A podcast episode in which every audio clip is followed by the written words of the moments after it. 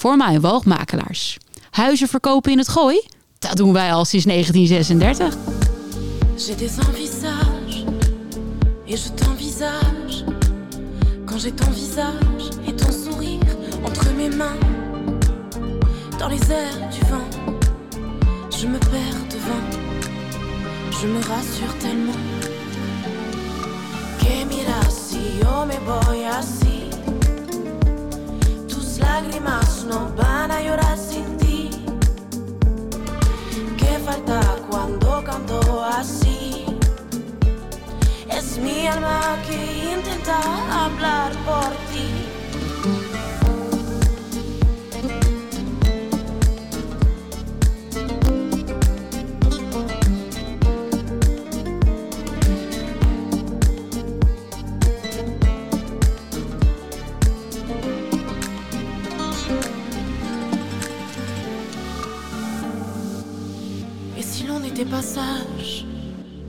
Est de passage, on évacuerait la rage et le désir jusqu'à demain. Dans les airs du vent, je me perds devant, je me rassure tellement. Que mira si yo me voy así, tus lágrimas no van a llorar sin ti. Falta cuando canto así? Intenta ti.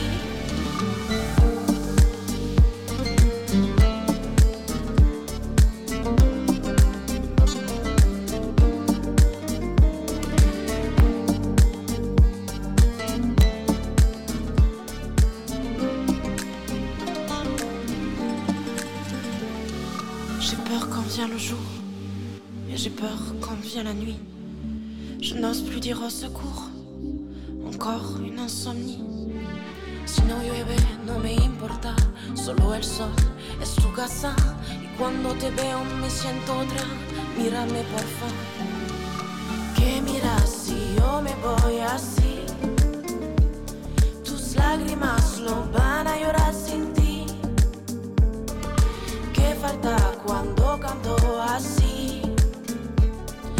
Mi alma que intenta hablar por ti.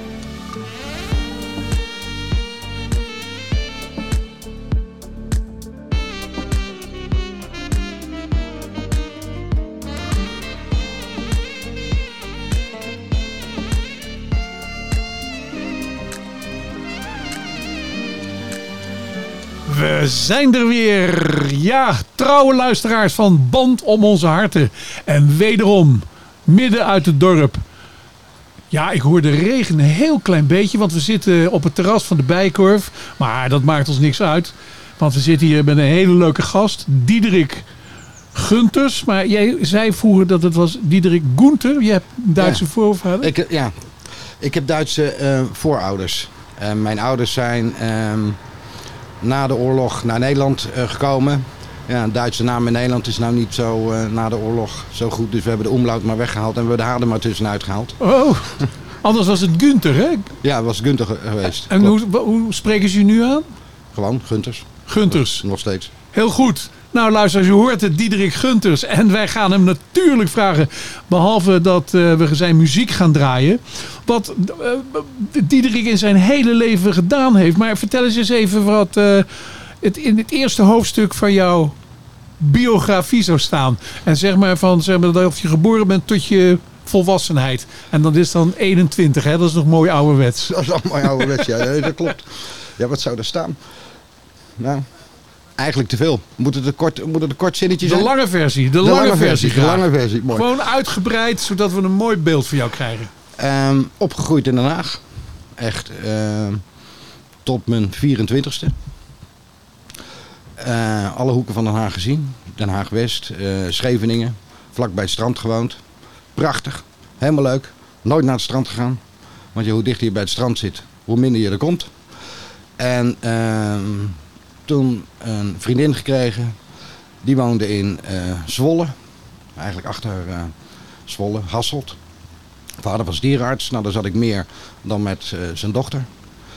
Want ik vond het ongelooflijk leuk om met hem met, eh, eh, naar alle boeren te gaan in Staphorst. eh, om bevallingen te doen. Ja, dat is op de 30ste ben ik gestopt met de dame in kwestie. En daarna heb ik een vriendinnetje gekregen hier in het Hilversumse. Maar wacht even, op, op jouw dertigste, Mhm. en dan ben je alweer heel ver weg. Ja, maar ja. Maar je toch. ontmoet een dame uit Zwolle Ja, en je ging niet naar het strand. Nee. Hoe komt nou een Haagse bojo ja. Zo kan aan een doen. Zwolse dame? Ja, die studeerde in Den Haag. Hotelschool. Yep. Ja. ja, dan krijg je dat, hè. En wat voor op- opleidingen heb jij allemaal gedaan? Ehm, ik heb rechten gestudeerd in eh, Amsterdam aan de VU. Niet afgemaakt. Dat eh, klinkt bekend waarschijnlijk. Ehm, waarom niet? Omdat ik al mijn vriendjes zag ik in Leiden studeren en die waren klaar. En die zag ik in één keer vakken vullen bij de Albert Heijn. Ik denk, ja, maar dat gaat hem niet worden. Dat moet toch echt wat anders worden. Dus toen dacht ik van, nou weet je, mijn vader zat in de makelaardij, verzekeringen. Ik denk, ik ga de makelaardij doen. Dus ik heb mijn papiertjes gehaald voor de makelaardij. Ik heb mijn assurantie B gehaald. En ik heb mezelf aangemeld bij een aantal kantoren in het Haagse. En eh een daarvan zei van, nou, kom maar binnen met de knecht. En zo ben ik in die makelaardij gerold. Even nog een- voor het, voor het tijdsbeeld. Welk jaar ben jij geboren? 61. Oh, 61. Dus de echte beat scene Nee, van eh, de, de, de golden earrings en weet ik veel wat. eh, dat heb Nee. je allemaal eh, nee, dat heb ik allemaal gemist. gemist. Ja, laten we het zo Maar zeggen. je kent de muziek wel. Nou, ik ken de muziek wel. Maar het hoort niet tot je favoriete muziek, zie ik aan je lijstje. nee, maar om alvast er even aan te wennen, gaan we nu eh, Topic RV heet dat, gaan we draaien. Ik denk, je gaat nog door, je, je gaat antwoord, maar dat was niet zo. Nee. We bouwen het op.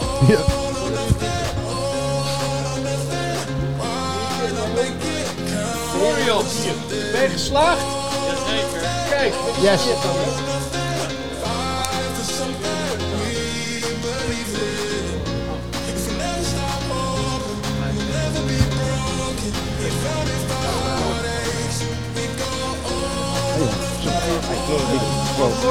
Gefeliciteerd man. Ja, nou ja. Hey, oh, sorry. Waar staat hallo, Ja. Diederik.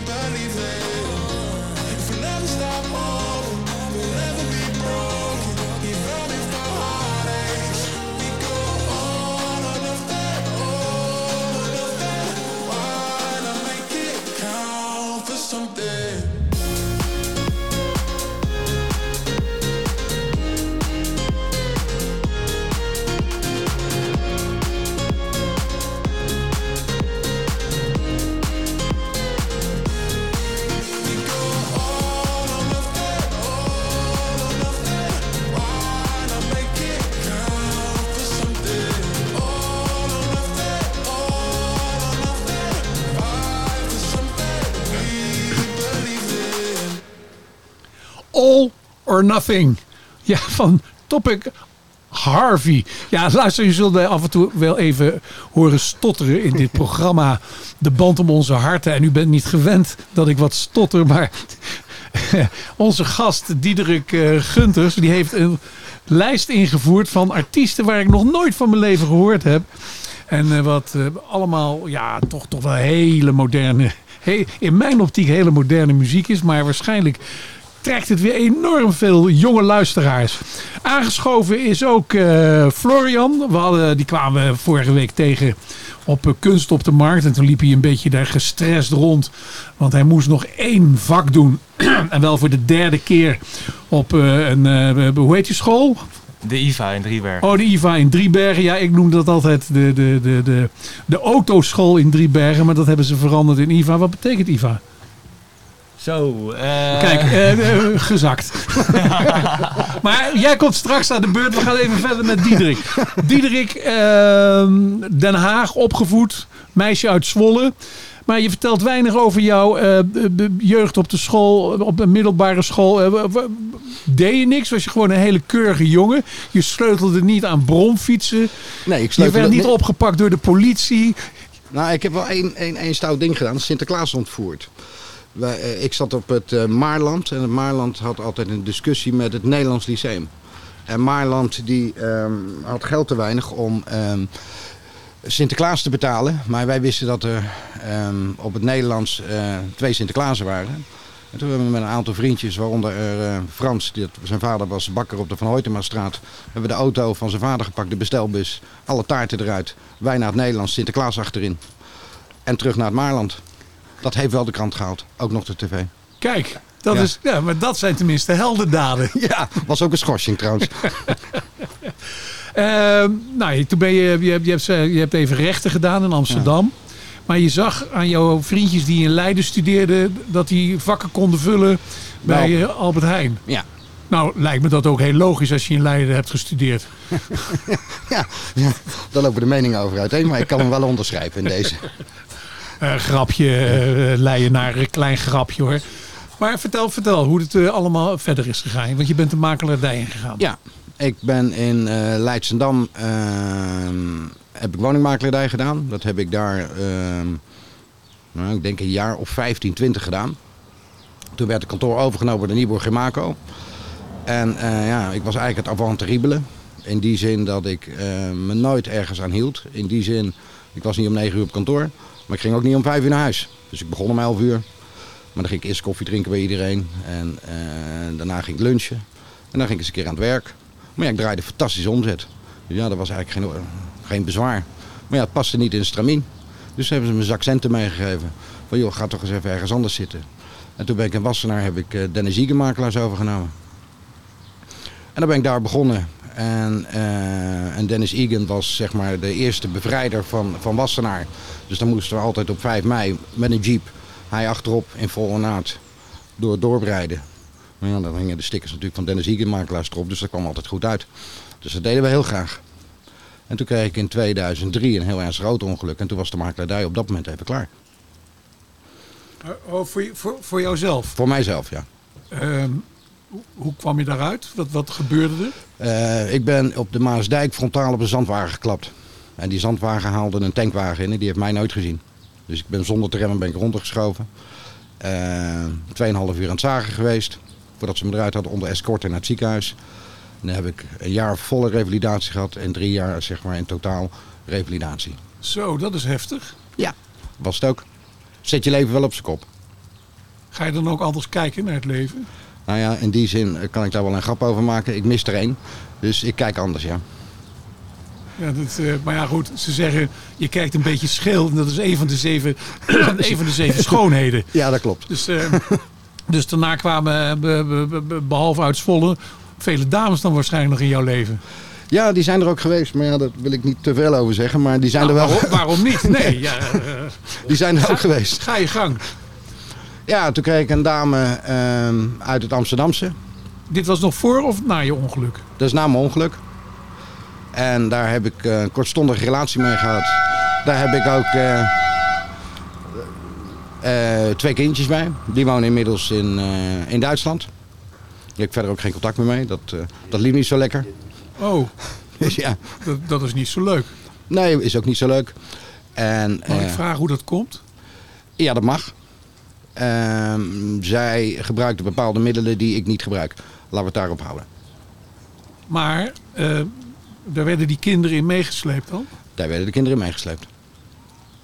En daar heb ik dus afstand van genomen. En in die tijd kwam ik ook te werken voor eh, de Fiat. Dus maar ik- even, even over. Het, is het niet zo dat wanneer eh, kinderen bij een moeder zitten die dus verslaafd is, begrijp ik, Ja. Dat die dan daar weggehaald worden? Nee, want zo werkt Nederland niet. Oh, dat verbaast mij. Ik dacht dat dat eh, ook, ook in Nederland. eh, Nee, want als jij de grens overgaat, dan doet Nederlands niks meer. Dus Ah. als jij vanuit Nederland naar München vertrekt met een nieuwe partner, dan is het gewoon klaar. En je hebt je kinderen daarna ook nooit meer gezien? Af en toe, één keer in het jaar. Eén keer in het jaar. Ja. En hoe gaat dat? Stroef natuurlijk. Maar ik heb wel een beetje appcontact, een beetje telefonisch contact. Maar mijn ouders hebben regelmatig nog contact met ze. Jouw ouders? Mijn ouders, ja. Ja, ik, ja, ik, ik val altijd een beetje stil. Want Ja. dat dat zijn Ik begrijp het. Ja, nee, nee, want dat zijn, ik vind dat eh, altijd zo onbegrijpelijk. Tot, tot welke leeftijd heb je ze dan niet gezien? Eh, drie, vier jaar. Ze zijn nu veertien.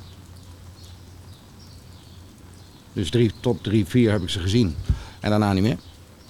Oh, en, ik, en voor de rest heb je ook nog andere kinderen? Ja, ook nog. Ja, ik heb niet stilgezeten. Nee, maar nou, ja, ja, ja, probeer, probeer het even duidelijk te schetsen hoe dat in elkaar... Dit, was, Hey, dit, waren, dit, waren jouw eerste kinderen? Nee, dit zijn de tweede. Dit is oh, de tweede was, leg. dit was de leg. tweede leg. Ja, de oh, je eer- begint gewoon bij de laatste leg. En dan gaan we naar terug. Terug. Ja, jeetje man. Je zet mij wel iedere keer op het verkeerde been. Probeer even dan voor ons. Want ik heb namelijk hele, hele mooie luisteraars. Maar die ook beginnen bij het jaar 0. En dan eindigen bij 23. Ja. Maar Nee, je had ook, daarvoor had je ook eh, Ja. getrouwd. getrouwd En ki- kinderen. en twee kinderen. Jongen en meisje, Floris en Fabienne. En die zie je wel. En die, nee, ook niet. Nee, wat dat betreft eh, scoor ik wel punten. Ehm, ik zie alleen mijn oudste dochter. Fabienne. Van 26. Ja, nou, ik ga toch even vragen. Als je, als je een beetje eh, eh, zelfreflectie doet, wat denk je dan? Hoe dit komt? Even in de diepte hoor. Dus even een dat beetje. mag. Nou ja, ik denk in eerste aanleg dat eh, de, aanrijding in, de aanrijding in 2002 eh, daar zeker debet aan is geweest. Omdat aan de buitenkant zag je niks. Maar aan de binnenkant is natuurlijk alles veranderd. Ik had zwaar hersenletsel. Dus je bent een heel ander mens na het ongeval. Ah, Dus de neuroloog zei ook van je hebt Diederik voor het ongeval en je hebt Diederik na het ongeval. Nou, dat zijn twee hele verschillende werelden. En ik ging heel anders in het leven staan. Eh, daarvoor was belangrijk dikke auto's, eh, nou, verzin het maar. En nu, jongens, weet je, elke dag dat de zon schijnt ben ik blij. ja, ja. Het, leven, Zelfs als het regent. het leven anders gaan zien. Dus leven toch. totaal anders gezien. En dat is voor andere mensen heel moeilijk eh, te bevatten, want die zijn een bepaald levensstijl gewend. En jij draait in één keer om in die levensstijl. Ja, dat gaat toch een beetje frictie geven. Want het ongeluk is gebeurd toen je al die vier kinderen had. Nee, nee, toen ik er pas twee, twee had. Dus de eerste, tweede, oudste. Ja, ja. En Maar die uit Duitsland niet. Nee, nee, En die zijn nu 14 en, zei je? 13. 14 en 13. En daar heb je één keer per jaar contact mee. Komen ze dan in Nederland? Komen naar Nederland. Ja, dat is. Ja, dat is- Ja. ja, nee, maar ik kan me voorstellen dat het eigenlijk dan met die kinderen net zo gaat zoals wij nu even zitten te praten. Want dat, dat vind ik altijd een moeilijk item en moet je er verder op doorgaan. Eh, hoe belangrijk in het leven, eh, of nee, ik ga het anders stellen. Wat voor rol speelt dat? Dat speelt een hele belangrijke rol. Dat neem je toch elke dag mee. En ehm, wat je ook meeneemt is, ehm, ja, hoe gaat het met ze? Eh, kan ik nog iets aan die opvoeding doen? Of willen ze dat ik iets aan die opvoeding doe? Ehm, ja, het wordt gewoon geblokt. Hè? Door moeders wordt het geblokt. Dus ik, ik kom er niet door. En daar ligt mijn probleem. Dus, en als ik er doorkom, ja, dan kan ik alles voor ze doen. En eh, die kinderen, ja, als ze 13, 14 zijn, kunnen ze een klein beetje nadenken. Maar in, ja, als je ze, hoe lang zie je ze dan? Eén keer per jaar? Dag, Een dag. Max. Ja, dan, Ja, kan je ook niks doen, hè? nee, dan, dat, is, dat is natuurlijk... eh, Maar goed, er is nog enige herkenning. Ja, Diederik. Het is, we gaan van dit onderwerp even, we gaan naar de muziek. Ik zie Leo Jansen binnenkomen. En Leo die gaat foto's maken, want we hebben hier ook natuurlijk een beetje de Hollandse nieuwe haringparty. Ja, luisteraars, dit allemaal vanaf het eh, terras van de Bijenkorf. En de haringen komen zo binnen. En dat doen we dan, eh, eh, we, gaan... eh, eh, eh, Vilil, Safri Duo, het Safri Duo, hoe is het? Zeg Ja, het zelf maar. hartstikke leuk. Ja, met eh Helene, hele, hele, hele. Ja, een beetje club met muziek is het, zei ik. Daar komt...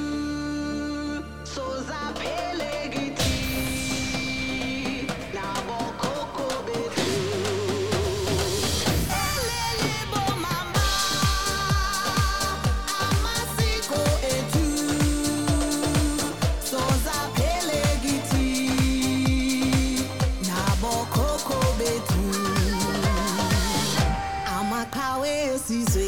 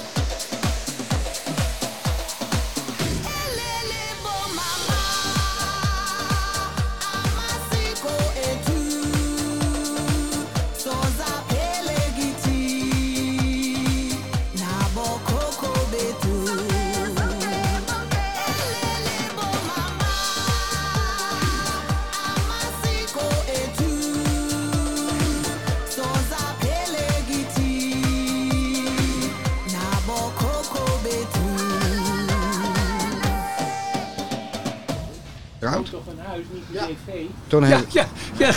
welkom terug, welkom terug, luisteraars, bij de band om onze harten. Ik zit een beetje. Erik had beter het geluid aan kunnen laten staan. Ik zit een beetje met onze gast Diederik eh, Gunters te filosoferen hoe het wat gegaan is. Want het komt wat chaotisch over. Dus ik probeer daar een tijdlijn in te krijgen. In die tussentijd worden ook weer Hollandse nieuwe gebracht. Gesponsord door het visatelier, waarvoor dank. En er moeten ook nog foto's gemaakt worden. Want die komen in alle kranten in Nederland. Van Limburg tot Groningen. Van Gelderland tot Zuid-Holland. Het is allemaal ah, verwarrend. Ook voor deze simpele geest, uw presentator. Maar Diederik, we hadden het even eh, eh, zo geboren in. Ik, ik, ik, ik doe het, vat het een beetje samen. Geboren in Den Haag. Daarna gaan studeren in Amsterdam. Was niks. Makelaardij ingegaan.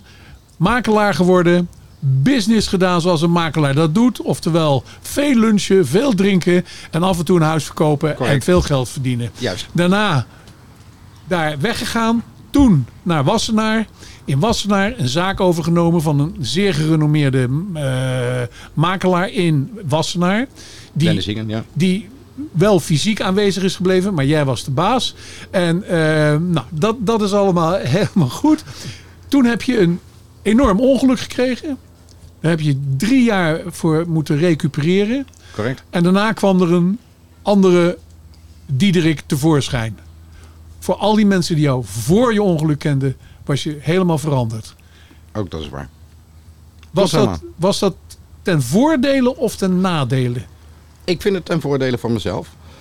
En wat de rest ervan vindt, kan ik geen oordeel over geven. Maar ik heb weinig mensen uit het verleden overgehouden. Dus het zal wat ten nadele geweest zijn. Nou ja, voor die mensen. Ja. Dat, is, dat is natuurlijk wel zo. Want als je bepaalde vriendschappen of afsluit met iemand met een bepaalde karaktereigenschappen en wat en het verandert daarna die anders zijn, dan ja, dan is de band ook weg. Correct. Na jouw ongeluk, wat ben je toen gaan doen? Ja, toch weer de makelaardij in, maar dan anders. En toen ben ik eh, directeur geworden bij een vastgoed eh, beleggingsmaatschappij in Arnhem. En ehm, daar heb ik een jaartje gewerkt. En na dat jaartje kwam ik er eigenlijk achter dat ehm, en ze gaven obligaties uit. En ehm, dat betekende dus dat je boven de 50.000 euro za- zat je niet onder de controle. En dan werd er geld in de kas eh, gestopt. En vervolgens werden de panden gekocht. Maar wat bleek achteraf toen eh, we toch wat klachten kregen van uitkeringen van mensen. eh, ja, we krijgen ons geld niet. Toen ben ik in de boekhouding gedoken. En toen bleek dus dat van de 30 miljoen die er gestort was, dat er misschien nog 1, 2 miljoen over was. Dus ja, we hadden we toch wel een dik probleem. En eh, toen kwam ik op een feestje in Amsterdam, zoals te doen gebruikelijk, eh, bij makelaars, als je dat al gesteld hebt. En ehm, toen zei die advocaat tegen mij van, joh, joh, maar je hebt een heel groot probleem. Want eh, we hebben net het verhaal van ehm, Palm Invest. En daar zat ook een interimmer. En die hangt er nu voor twee jaar aan. Want die wordt nu onderdeel van een criminele organisatie. Ik denk, ja, dat moet ik niet hebben op dit moment. Dus ik heb mij gemeld bij justitie. En toen moest ik me melden in Gouda. Niet via de vooringang, maar via de achteringang werd ik eh, met alle egaars ontvangen. En toen hebben ze me ehm, een bepaalde code meegegeven. Onder het mom van, ga jij er maar eens op onderzoek uit. En wij houden wel contact met je. Maar eh, doe geen stoute dingen, want we zijn er niet. En toen begon het spannende jongensboek. Het klinkt ook heel spannend. Nou, dat is het ook. Nou, ik- wou net zeggen, be- be- begin maar bij het begin. Ehm, nou, je moet je voorstellen... Toen je de achterdeur binnenliep. Ja, dan, ja, een politiebureau binnenlopen is toch niet altijd zo eh, prettig. En eh, ja, er zitten gewoon twee heren eh, met lange haren tegenover je... waarvan je denkt van, ja, maar dat zijn geen politieagenten. Nou, dat waren ze dus wel. En die gaven mij de nummers, dit moet je doen, zo moet je het doen. Ik kreeg instructies mee en wij willen het graag weten. Oké. Nou, je rijdt in je auto terug en denk je, ja, is dit wel verstandig? Ja, dit is wel verstandig, want anders ga ik zelf, hang ik ergens aan. Ik Dus wou net zeggen, was het een chantagemodel? Omdat je uit het bedrijf kwam waar dus Nou ja. eh, 28 miljoen verdween. Ja, en eh, het probleem is dat als je eh, er niks aan doet, hang je er gewoon aan. En doe je er wel wat aan, dan heb je aan de andere kant heb je weer problemen. Dus je hangt eigenlijk te, op het hakblok. Het is linksom of het is rechtsom. En daar moet je de, de beste weg in kiezen. Maar als je, kijk, geld verduisteren is natuurlijk niet netjes, maar dat gebeurt heel veel. Ja. Maar dat wil niet zeggen dat je dan eh, pistolen tegen je hoofd of ergens in een achtersteeg in Klarendal wordt opgevangen. Nou, laten we het zo zeggen. Ehm, je hebt wel één ding eh, gemeld eh, dat wel gebeurd is. Pistool tegen het hoofd. Ehm, omdat op een gegeven moment werd het ook voor de heren te spannend. En ehm, ja, je, je moet keuzes maken. Kijk, ehm, er waren nooit fysieke, oh ja, waren fysieke afspraken, maar nooit op fysieke locaties. Nooit op politiebureau. Dat was achterin een Audi, achterin een BMW. eh, eh, ergens langs de snelweg in een kamertje van een hotel. eh, waar je dan de receptionist ziet kijken van met wie gaat hij nou weer dit uur eh, de kamer in. Maar ja, dan werden de dossiers uitgelegd, dan werden de geldstromen uitgelegd en dan kon je weer gaan. Nou, je auto werd beveiligd met camera's en eh, trekkers. Dat ze wisten waar je was. Je mocht nooit op dezelfde manier naar huis. Je mocht nooit op dezelfde manier eh, komen. Kijk nou, we krijgen een haring. Ja, kijk. Ja, niet van de Fiat hoor. Nee. dit, is, dit is allemaal, komt dat uit de mooie Hollandse nieuwe van eh, het visatelier. Ik- Oké, dank je. Ik heb het. En we hebben hem aan de staart, zoals het hoort. Ja. Aan de staart. Ton, Dank u wel. wat kan jij goed koken, man? Heel goed. Daar gaan we. Dat is, ja, dit is voor de luisteraar Ja, niet te niet te zien. zien hè. Oh. Luisteraars, we gaan eerst een muziekje draaien. Want met volle mond mag ik niet presenteren.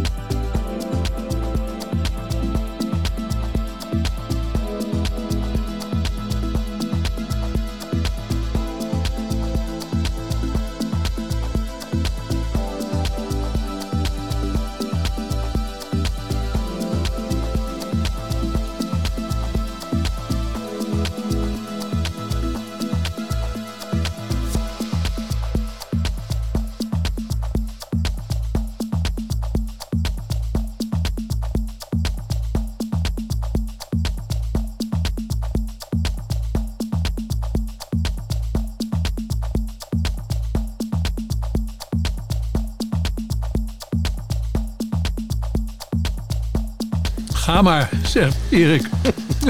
Mooi dat u nog steeds luistert. Ondanks het feit dat wij met volle mond hier zitten te praten. Maar het visatelier heeft weer heerlijke haringen hier eh, neer laten zetten. En ze zijn voortreffelijk. Vond je ze ook lekker, eh, Diederik? Buitengewoon. En onze andere gast, Florian Hildebrand, of is het gewoon Florian? Florian. Florian. Van de net geslaagd, net geslaagd professor in de autoverkoop. Hè? Want je weet nu wat het betekent. Ja, eh, wat was het? ja, wij moeten het erop zeggen. Nee, Instituut voor Autohandel. Kijk, Instituut voor Autohandel. Nou, dan probeer je straks eh, Erik maar een auto te verkopen, want dat is heel makkelijk. Als er maar zo'n lullig dingetje van een Jag erop zit. Dan vindt hij, Eh, dat vindt hij helemaal te gek. Zij had zo ASO geparkeerd. Maar luisteraars, ehm, wij hebben net het verhaal, zijn we aan begonnen, dat eh, Diederik Gunters bij een bedrijf werkte in eh, Arnhem. En eh, ja, hij kwam daar via wat mensen achter dat er van de vele miljoenen die daar binnenkwamen, er maar een paar gemeld werden. Zeg ik dat, zeg ik dat juist? Ja, dat zeg je juist. Ja. En daardoor zat hij in een dubio van ja, wat moet ik hiermee doorgaan? En dan uiteindelijk ook eindigen in Dubai en daar iedere keer achterom kijkend moeten rondlopen. Ja. Of ik ga helpen hoe dit allemaal in elkaar steekt. Dat laatste heb je gedaan. Je bent laatste voor, heb ik gedaan. Je bent voor de Fiat gaan werken. Ja. En ehm, toen moest ik de, de geldstromen gaan uitzoeken waar het geld ehm, heen ging. En dat ging allemaal via eh, BV'tjes in eerst in Nederland. En allemaal voor dat bedrijf in Arnhem. Allemaal voor het bedrijf in Arnhem. Vervolgens eh, ging het eh, naar Duitsland. Van Duitsland ging het naar Zwitserland. Naar Zoek. En vervolgens ging het weer terug naar Luxemburg en weer terug naar Breda. En daar hadden ze weer een andere vestiging waar ze hetzelfde kunstje weer deden. En daar zaten ze ook nog in ehm, eh, de ecstasy-pilletjes en nog in de eh, plantjes. Dus dat eh, was een goede handel voor ze. Dus ik was eigenlijk de luis in de pels. Maar die, die, die, die, geldstromen, ik lees er wel wat vaker over. Dat is toch wettelijk toegestaan? Ja, dat klopt. Belasting eh, ontwijken mag, ontduiken niet. En op het moment dat je oneigenlijk geld natuurlijk gaat wegsluizen, ben je in het begin al fout. En op het moment dat je in het begin al fout zit, ja, dan ben je op dat moment ben je al crimineel bezig, om het zo maar even plat te zeggen. Maar als je in- Arnhem geld gestort krijgt. En je gaat het overboeken naar Duitsland. Dan nee, is dat nee, toch heel dat gaat, makkelijk nee, dat gaat eerst naar privé. Het ging eerst naar privé. En van privé ging het naar andere vennootschappen. Dus ze lieten het naar privé storten. En de gevleugelde uitspraak was... eh rien ne va plus, het geld is niet meer van u. Op het ja. moment dat iemand eh, zegt, nou ik stort nu voor 100.000 euro. En dan ging er 90 naar privé en 10 bleven in de onderneming zitten. En vervolgens werden er dus wel panden aangekocht. En daar werd weer hypotheek op aangevraagd. En dat kregen ze dan ook. Dus ze kregen dubbel op. Dus in principe was er niets aan de hand. Totdat natuurlijk door de obligatiehouders. Die kregen dan drie maandelijks hun geld uitgekeerd. Het geld niet uitgekeerd krijgen. Want dat was er niet. Ah, dan wordt het dus ook diefstal. Juist. Maar ja, Ja. ik zou zeggen, dat is dus heel dom van die mensen. Ja, dat is het ook. Dat, dat is ook heel dom.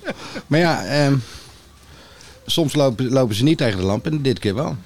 Maar vertel eens even, je, eh, want je vertelde nu, je moet hotelkamers, al die dingen meer. Eh, Wat, wat gebeurde er zo? Want Nou, om daar je- eens een goed beeld van te krijgen. Om daar goed beeld van te krijgen, ehm, krijg je een telefoontje. En eh, van joh, we willen met je afspreken. Ehm, daar en daar en daar. Zo en zo laat.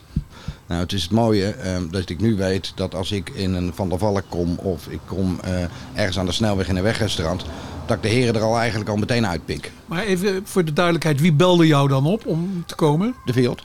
De de jongens, de ja, jongens ja. van de Fiat. Ja? De- zeg maar die ook gewoon in een normaal pak lopen en niet met een Fiat jasje, maar gewoon net zoals jij en ik er zo uitzien en dan ergens zitten.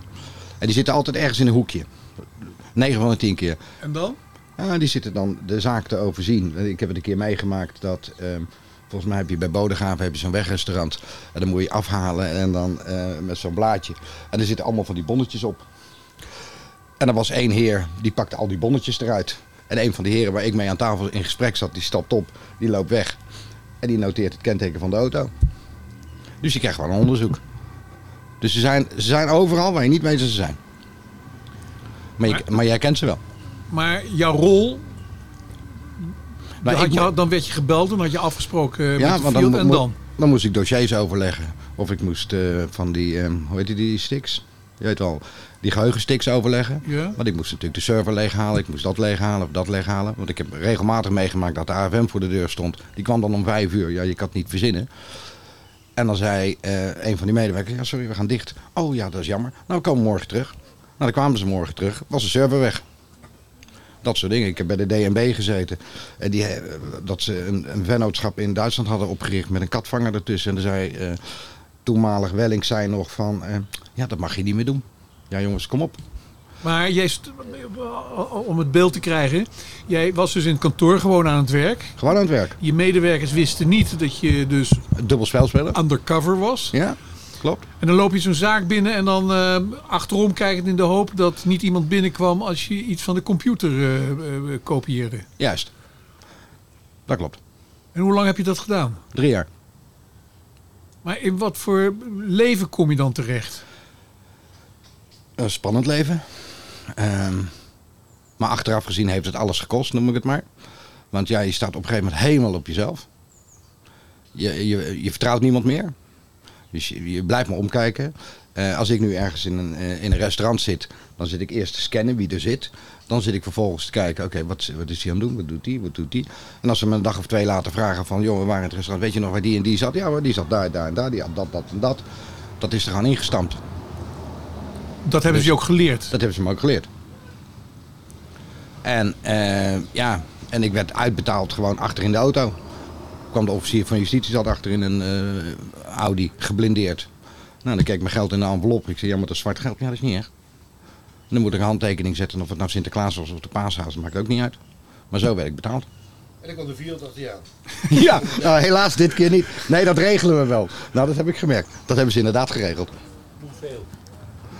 Ja, hoeveel? Ja, genoeg. Ja, er komen nu allerlei vragen uit het Ja. publiek, eh, luisteraars. Want dit, zijn, dit zijn natuurlijk, dit zijn natuurlijk eh, jongensboekverhalen. En, en het is wel heel spannend. Alleen, ja, ik, ik zit er toch een beetje naar te kijken. Zo van, ja, meer naar de omgeving die helemaal alert wordt in de hoop dat ze ook gevraagd worden door de Fiat. Om op een achterbank een tonnetje te ontvangen van justitie. Want dat is dan legaal zwart. Het is legaal zwart. Ja, echt serieus. Legaal zwart. Maar hoeveel jaar heb je dat gedaan? Drie jaar. Drie jaar, zei je. Ja. Maar eh, hoe je erin gerold bent, ben ik, eh, dat heb je verteld. Hè, omdat er werd zo eh, ja, creatief geboekhoud, om het te zeggen. Ja. Maar dan eh, moet je ook weer een keer ermee stoppen. Nou ja, de heren zijn natuurlijk op een gegeven moment eh, bij een inval eh, met z'n allen in bewaring gezet. En de rechtszaak loopt overigens nog steeds, na tien jaar. Ehm, en dan werd ik gebeld op een avond van, joh, ga jij maar lekker naar de kroeg. En zorg dat jij iedereen... Volgens mij, Ze komen al, hè? volgens mij zijn ze aan het, zijn ze aan het spotten. Ja. Nou, we zijn heel blij, luisteraars, dat we de paraplu's hebben opgezet. Zodat we van bovenaf niet herkenbaar zijn. Ik zie dat Erik zijn bezoeker uit zijn auto heeft gehaald. Om die mensen naar beneden te halen. Het is, het is toch wel... eh, ja, alles is mogelijk als je hier met een eh, ex-undercoverman van de Field zit te praten. Dus ik hoop niet dat we nu zo wat geblindeerde auto's eh, weg zien rijden. Maar dan, dan, eh, eh, ja, dan ben je dus drie jaar undercover. En je kan er met niemand over praten. Je mag er met niemand over praten. Je mag geen telefoonnummers doorgeven. Je mag helemaal niet. En als je een telefoonnummer van een van de heren doorgeeft, is ook meteen je doek gevallen. Dus je mag met niemand erover praten. Je mag geen telefoonnummers doorgeven. Alleen jij mag met hun bellen of zij bellen met jou. Er staan ook andere namen in je telefoon. Dus, dus onder de naam Paashaas of Sinterklaas, dan weet je dat je die moet bellen. Dan weet je dat je die moet bellen. Dus, eh, maar na drie jaar was het gewoon klaar, want de heren waren, eh, er was een inval. Op een gegeven moment, daar werd ik voor gewaarschuwd. Eh, een uur van tevoren. Dus of, of ik maar alsjeblieft de kroeg in wilde gaan. En maar een rondje ging, wilde geven, zodat iedereen wist dat ik daar was. Ja. Nou, dat is ook gebeurd. En zij hebben het betaald overigens. Dus het was een heerlijk rondje. Maar ehm, dan ben je daar klaar mee. Zijn, ze- zijn die mensen ooit erachter gekomen dat, dat, jij Ja, de, het lek was? ja, natuurlijk, want jij wordt ook betrokken bij de rechtszaak. Dus je bent ook meteen getuige in de rechtszaak. Want jij hebt de dossiers gevormd, jij hebt de dossiers gemaakt, jij hebt het aanhanger gemaakt. Dus je wordt ook door justitie, door het Openbaar Ministerie, wordt je ook verzocht om eh, eh, je getuigenis te doen. En dat is ook gebeurd. Maar dan moet ik naar Almelo, in de streng beveiligde eh, rechtbank. Dus ik achter kogelvrij glas, met twee bewakers links en rechts. Die, eh, je moet je melden dat je eraan komt. Dan vangen ze je op buiten de grens van Almelo met een politiewagen ervoor. Word je naar het politiebureau gereden. Politie, jouw auto gaat achter het hek. Dan ga je het gebouw in met twee bewakers. Je ziet je ex-collega's, laten we het zo maar zeggen.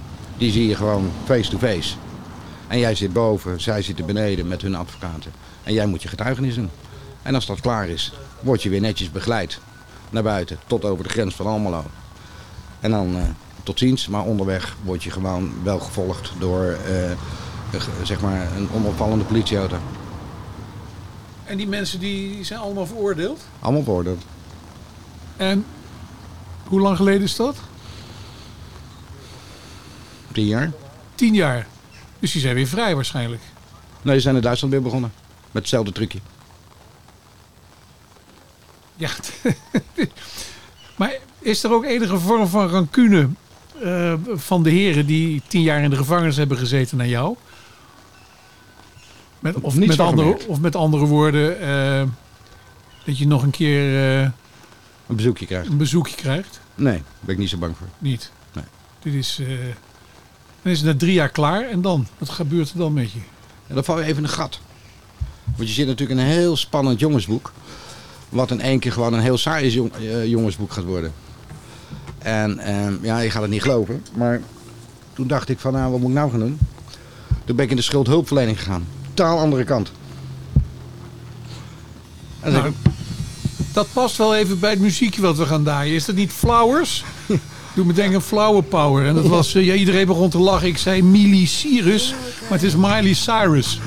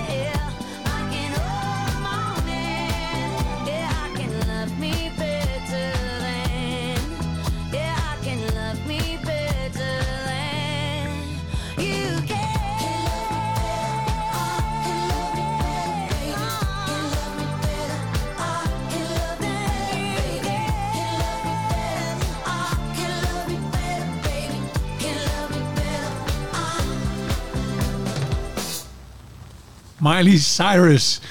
Het kwam me wel bekend voor, eh Ja. Diederik. Dit, dit, eh, dit klonk mij bekend in de oren. Ja, we hebben hier behalve Diederik Gunter in eh, onze geweldige band om onze harten programma. Hebben we ook Florian Hildebrand. Maar die, je mag rustig vragen stellen. Je, wil, je wilde wat weten, hè? Ja. Ja, nee, ik was benieuwd, is die inval eh, dan in die kroeg gebeurd waarin, eh, waar je naartoe werd gestuurd, laat maar zeggen? Nee, nee, nee. Die inval, ik moest naar de kroeg, zodat zoveel men- mogelijk mensen mij eh, herkenden. Want de inval werd bij de heren thuis gedaan. Oké, waarom moest jij dan herkend worden? Zodat ik eigenlijk mijn cover daarmee werd beschermd. Dus je had gewoon mensen om je heen nodig, Juist, zeggen. ik had mensen om mij nodig. Ja. Maar had er iets over een vriend die zijn auto had geleend? Oh, ja, hij, hij vertelde Ja, dat hij... ik luister dat, wel, hoor. Ja. auto- ja, maar dat was niet aan aanleiding van een vraag van mij. Oh. Maar hij eh, kwam er zelf mee. Hij had, je, je mocht je auto niet uitlenen. Nee, dat heb ik wel gedaan, maar die mocht ik niet uitleden. Want die auto die zat natuurlijk vol met camera's. En er zat ook een trekker in. En eh, mijn vriendje van mij, die, eh, ja, die had die auto nodig. Wat, wat is een trekker? Een GPS-trekker. Oh, ja. En die had die auto nodig. Ik zei, joh, neem me mee. Maar ik was even vergeten van dat het er allemaal in zat. Omdat ik er al zo lang aan gewend was dat je dat gewoon zelf vergeet. Dus heeft die auto meegenomen. Die is naar Duitsland gereden. Die heeft lekker, loop, eh, lekker gewinkeld daar met zijn, eh, met zijn familie. Die rijdt de grens terug over. En vervolgens eh, zit er gewoon een normale politiewagen achter hem. In eerste aanleg. En ik denk, ja, wat is dat nou? Vervolgens komt er nog een auto. Die rijdt er ook achter. En voordat hij het wist, werd hij bij het tankstation door vier, vijf auto's werd hij klem gereden. Werd uit zijn auto gehaald met de vraag wat hij in die auto deed. Ja, dat was mijn auto, dus ze zagen mij niet in die auto zitten. Dus ja, ik had wel wat uit te leggen aan hem. Was niet zo handig, laat ik zeggen. Dus hij is ongeveer de enige eh, die het geweten heeft dat jij toen Ja. de tijd Ja, ja. aan de cover was. Ja, ik moest het hem wel uitleggen, want hij snapte er niks van. Je stopt daarmee na drie jaar. Want dat was naar aanleiding. Toen is de hele zaak opgerold in Arnhem. De zaak is opgerold in Arnhem. Ze zijn, allemaal, ze zijn allemaal veroordeeld. allemaal veroordeeld. En zijn nu weer begonnen. In Duitsland. Hoe weet jij dat? Om, ja, je houdt ze toch in de gaten.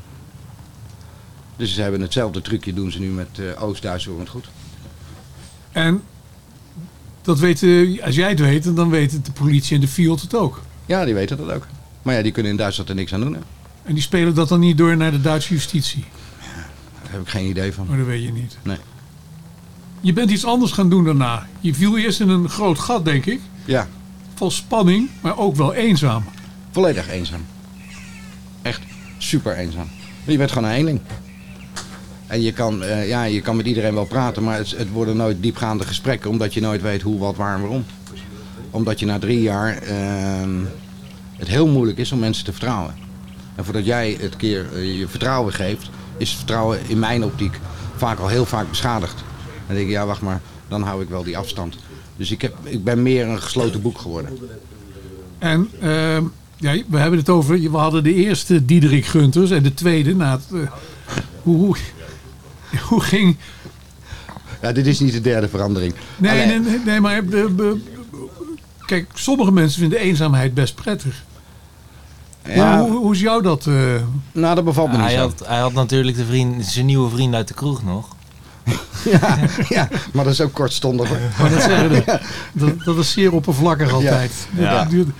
Maar in ieder geval, ehm, toen viel je dus in een, in een groot gat. Dat, waar opereerde je vandaan? Je woonde waar? In Laren. Toen woonde je in Laren. Ja, in, nee, in Hilversum, moet ik correct zijn. In Dus- Hilversum. en we spreken nu even in tijdsbestek 2018, twee, Nee, nee, nee, tien jaar terug, hè, 2000. oh 2013. Ja, dus het begon in 2000, 2011. 2010, 2011 begon het. Toen woonde ik in Hilversum. En jouw vrouw die nu in Duitsland woont, Dat, Dat- was in die tijd. dat was in die tijd. Ja. En die kon je dus ook niets vertellen. Nee, die kon ik helemaal niks vertellen. Die snapte er helemaal niks van. Want ja, eh, kijk, ze kwamen ook wel eens thuis. Want dan wilden ze mijn laptop hebben. En dan werd mijn laptop weer leeggehaald. En dan kwamen ze. Ja, dan moet je uitleggen. Ja, wie zijn dat? Ja, ja, dat kan je niet uitleggen. Dat snapt niemand. En gedurende je undercoverschap, is toen die vriendschap of huwelijk of wat was het? eh, Eh, vri- nou ja, relatie, zo- relatie het is zo toen, noemen. is toen Die is geklapt. die is geklapt. En Ja. zij is toen vertrokken naar Duitsland. Zij is vertrokken naar Duitsland. Met de twee kinderen. Met de twee kinderen. En dan ben je undercover af. Ja. En dan, ja, wat, dan heb je dus de volgende dag helemaal niks meer te doen. Bedrijf is opgedoekt. Ja, dan val je even in een gat. Kom, ja, je, ik kom, ben... kom je dan in de WW? Nee, joh, natuurlijk niet. Ik ben, ik ben geen stilzitter. Dus eh, ja, dan gaan we weer wat verzinnen. En vandaar dat ik toen eh, eh, HBO even ben gaan doen. Omdat ik schuldhulpverlening eh, ben gaan doen. Omdat ik dacht, van, dat is leuk. Andere mensen helpen. Toch even de zachte kant opzoeken. Ik zat op de hele harde kant van de maatschappij. Ik denk, nou, dan ga ik nu eens eh, de zachte kant van de maatschappij opzoeken. Ehm, ja, weet je, en dan is het ook best moeilijk om. ehm, dan probeer je het probleem voor de mensen op te lossen op een hele gunstige en mooie manier. Maar jij ligt er meer wakker van dan dat een ander er wakker van ligt. Dus ja, dat was na twee jaar vond ik dat ook nou niet meer zo gezellig. Wat deed je precies als hulpverlener? Ja, als schuldhulpverlening is het gewoon ehm, alle schulden van de mensen bij elkaar eh, vegen. Kijken wat de inkomsten zijn, kijken wat de uitgaven zijn. En dan eh, toch maar zorgen dat je eh, een vergelijk met de schuldeisers gaat krijgen. Dat is op zich heel makkelijk. Want als je een hypotheekschuld hebt van een ton, kan je het gewoon afkopen voor 7.500 euro. Dat is, dat is echt heel makkelijk. Eh, ja, mensen die, die bij bol.com, bij, bij, nou, bij de weenkapjes van deze wereld maar blijven bestellen en dat vervolgens op marktplaats zetten en vervolgens dat geld weer in hun zak steken. Ook dat kun je allemaal makkelijk afkopen. Alleen, ik werd er heel onrustig van, omdat ik de problemen oploste en zij er maar weer gewoon problemen van bijmaakten. Dus ja, dat was ook niet heel erg bevredigend. Dus ik heb alle kanten gezien, in die zin. En na twee jaar denk je, Maar toen ben ik, de, toen ben ik toch maar weer het onder het goed ingegaan. Dat blijft toch maar trekken. Dat is toch het leukste wat er is. toen ben je een eigen kantoor begonnen? Of ben Nee, toen hebben ze me gevraagd om een beetje beheer te doen. En dat, ja, dat heb ik steeds meer uitgebreid. Dus toen ben ik in het, echt meer in de technisch beheer gegaan. Lekker met mijn handjes werken. En dat vind ik het leukste wat er is. Ik zit, Hij zit er nee, ik zit even te kijken. Muziek en nieuws. muziek en nieuws gaan we doen. Luisteraars, tot straks gaan we weer verder.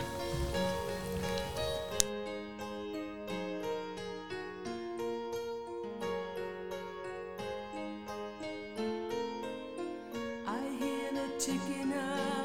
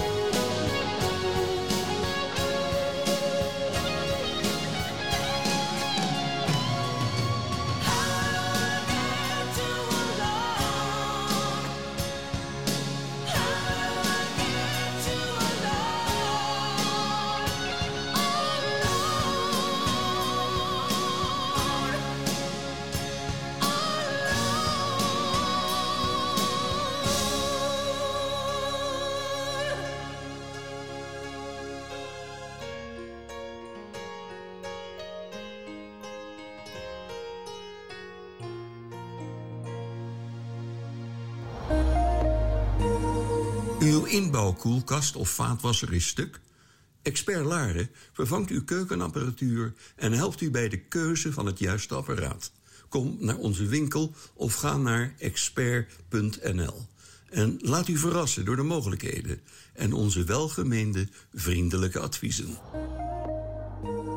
Het nieuws wordt u aangeboden door Visatelier Laren. 3 uur. Dorpsradio Laren, nieuws en weer. Dit is Ellie van Loenen met het radionieuws op dorpsradio.nl. Via een open brief in lokale media hebben inwoners van de provincie Noord-Brabant het verzoek gekregen om zuinig met water om te springen. De brief is afkomstig van de provincie, waterschappen en natuurorganisaties en heeft als titel Elke druppel telt. Help jij mee? Brabanders wordt gevraagd om minder grondwater te gebruiken en regenwater op te vangen. In de brief staan ook tips met besparingen, zoals bijvoorbeeld een zuinige douchekop. Afgelopen nacht heeft de zoektocht naar de vermiste onderzeeër Titan weer niets opgeleverd. Het is de derde nacht op rij dat er wordt gezocht. Als het vaartuig gevonden wordt, duurt het volgens een van de onderzoekers nog uren voordat de onderzeeër kan worden gered. Er is voor 96 uur zuurstof aan boord. De Amerikaanse kustwacht denkt dat als de opvarenden nog in leven zijn, ze binnen enkele uren zonder lucht komen te zitten. In het Brabantse Zevenbergen wordt mogelijk een asielzoekerscentrum opgezet waar maximaal 200 mensen kunnen verblijven. De locatie aan de Schansdijk moet maximaal 15 jaar open blijven. De burgemeester en wethouders van de gemeente Moerdijk hebben de plannen aan de gemeenteraadsleden voorgelegd. Tot half juli zullen zij de ideeën tegen het licht houden en knopen doorhakken. Als alles doorgaat, wordt de opvang volgend jaar geopend. Diverse media melden dat een belangrijke brug tussen de Krim en het Oekraïense vasteland is beschadigd, vermoedelijk door een Oekraïense raketaanval. De brug staat bekend als de poort naar de Krim. De brug is afgesloten en verkeer wordt omgeleid. Er zijn geen gewonden gemeld. De vernieling kan voordelig zijn voor Oekraïne bij toekomstige onderhandelingen. Er worden zware gevechten en Russische aanvallen gemeld in onder andere Liman en Bakhmut. Het weer. In het noordoosten zonnig met lokaal 25 graden. In het zuidoosten 20 graden en regen met kans op hagel en onweer. De regen zal zich uitbreiden over het zuiden, oosten en midden van het land. Tot zover het radionieuws op dorpsradio.nl. Dit is Dorpsradio Laren. Ik ben Edwin van der Brink en ik adverteer bij Dorpsradio Laren omdat ik lokaal belangrijk vind. Q-Bike Laren, uw e-bike specialist. Bicycle, bicycle, bicycle. I want to ride my. Dorpsradio Laren sponsoren? Kijk op onze website dorpsradio.nl of bel 035 781 0781. 035 781 0781. Luister lokaal. Luister dorpsradio.nl. Altijd dichtbij.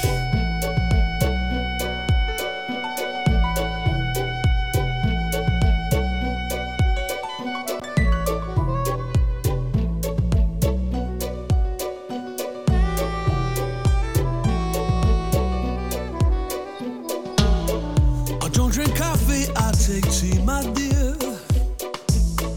I like my toast on, on one side. In my accent when I talk. I'm an Englishman in New York. You see me walking down Fifth Avenue. A walking cane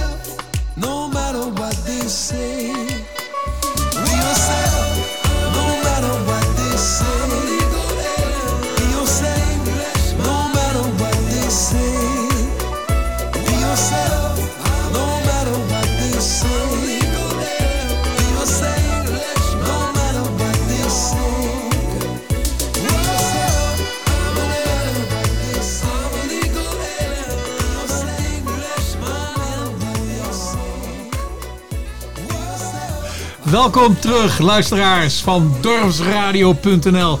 Ik begrijp dat u best wel even de tuin in bent geweest, want het was een partij lawaai, helikopters, brandweerauto's en wat dan ook. En we dachten dat is allemaal eh, om eh, onze gast Diederik Gunters op te halen. Dat het de Fiat was, maar het was dus iets anders. We weten niet wat er gebeurd is. Maar buiten onze gast eh, Diederik Gunters hebben we ook Florian Hildebrand hier op bezoek. En dat is gekomen, we waren bij Brink, eh, Kunst op de Brink. En daar stond een wat zenuwachtige jonge man eh, met zijn ouders een gezellig eh, wijntje te drinken.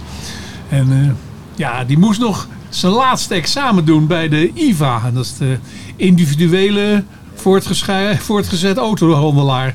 Nee, Instituut voor Autohandel. bij Roesbal. De autoschool in Driebergen. En hij was dus heel erg nerveus, want hij moest zogenaamd hè, fingeren, een rollenspel, een auto verkopen aan een, eh, aan een eh, leraar. Hè? Ja. ja. en heb je het advies nu gevolgd? Dat je zei, "We- de auto die ik u wil verkopen kunt u toch niet betalen.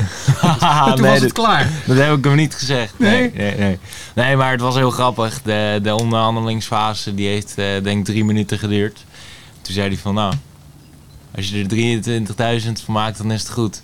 Nou ja, ik mocht eh 5% korting geven. Was in totaal eh, zou dat eh 1295 euro zijn. Ik heb hem nu 750 euro korting gegeven. En hij zegt ja, deal. Dus eh, drie minuten en ik kon de deur weer uit. Kijk, en jij, en jij hebt nu je bul, je diploma. Ja. En ja, dan is het dat er. Wie heeft dat nu? Want wie is Florian Hildebrand? Vertel eens even in het kort aan de mensen. Want je bent een van de jo- jongste luister, of, eh, eh, de, gasten die wij hier gehad hebben in het programma. Maar vertel eens even. Je bent geboren, getogen, alles, alles wat je. Ja, zo lang hoeft het niet te duren, want je bent nog hartstikke jong, man. nee, ja, eh, ik ben eh, geboren in Blarikum en ik woon al mijn hele leven in Laren. Ik woon met mijn ouders en mijn zusje. En eh, we hebben nog een lieve hond. En eh, ja, ik ben net klaar met mijn, tweede mbo-opleiding. Daarvoor heb ik nog een mbo eh, gedaan voor signmaker. Dus dat is eh, autobelettering, rappen, maar ook gevelbelettering. Maar ook wat je in corona veel zag op de grond, de pijlen en zo. Dus dat heb ik allemaal geleerd om te maken en te plakken. Op die opleiding. En nu, toen heb ik een jaartje gewerkt. En toen bedacht ik me van ja, ik moet toch nog wel eventjes een, eh, een studie doen. Dus toen ging ik de IVA doen. En mijn vader die heeft die, die school ook eh, ge- gedaan. En ik heb daar heel lang over getwijfeld. Nou, toen gingen er een paar vrienden van mij heen. Dus toen dacht ik van ja, ik ga dat ook gewoon doen. En daar ben ik nu eindelijk mee klaar. Na twee jaar. Twee, twee lange jaren voor mijn gevoel. Je zei je hebt ook gewerkt. Er zijn maar weinig jonge lui in Laren en Blarikum die gewerkt hebben in hun jeugd. Maar wat heb je dan gedaan? Ik was eh, chauffeur voor een auto-onderdelen groothandel. Aha. Dus ik ging eh, acht keer op een dag ging ik dezelfde route rijden langs allemaal garagisten. Maar je had gewoon chauffeur moeten worden van Laarders of Larinezen die ergens een borrel gingen drinken. Dat je ze weer veilig thuis bracht. Nou, heel grappig, dat doe ik ook. Dat Nog doe ik steeds? ook. Ja. Nou ja, heel af en toe hoor. Maar eh, naast mijn studie was dat mijn bijbaantje. En, dat- Privéchauffeur. en je bent nog in te huren? Zeker weten. Ja? Nou, eh, luisteraars, van, daar is toch altijd grote vraag naar. De heenkomen is niet zo erg, maar het teruggaan is natuurlijk altijd wat. Ja. Eh, wat wil jij gaan doen? Want jij wilde de business in, zei je. Ja, ik heb eh, altijd En dan zit je natuurlijk aan tafel met eh Diederik. En nou, die heeft een hele hoop business achter, de- achter zijn kiezen. Ja, ja, dat, dat heb ik inderdaad eh, vernomen. Nee, ik heb altijd wel ondernemersdrang gehad. Ook, eh, mijn vader is natuurlijk ook een voorbeeld voor mij. Die, doet dat, eh, die onderneemt ook eh, wat af. In wat? Hij heeft een, eh, een uitzendbureau. Aha. Ja. En eh, Is het een collega van eh Goldsmeding? nee, nee, nou ja, con-collega, hè, je kent het wel. Ja, maar goed, ga verder. Ehm, nou ja, wat mij heel leuk lijkt om nu te gaan doen is eh, eigenlijk verhuurmakelaar voor jachten en private jets. Eh, dus het charteren daarvan, om dat eh, aan de operations kant te gaan managen. Dat lijkt me heel leuk. Er zijn niet heel veel bedrijven die dat op grote schaal doen. Ehm, dus daar moet je maar net binnen zien te komen. Maar daar ben ik druk mee bezig. En dat betekent dat je, eh, als Erik bijvoorbeeld even snel naar Barcelona wil om daar een, eh, te lunchen met zijn vrienden en dan weer terug, dan kan Ik heb die, geen vrienden. dan kan die jou, die probeert, die probeert die dan te maken daar.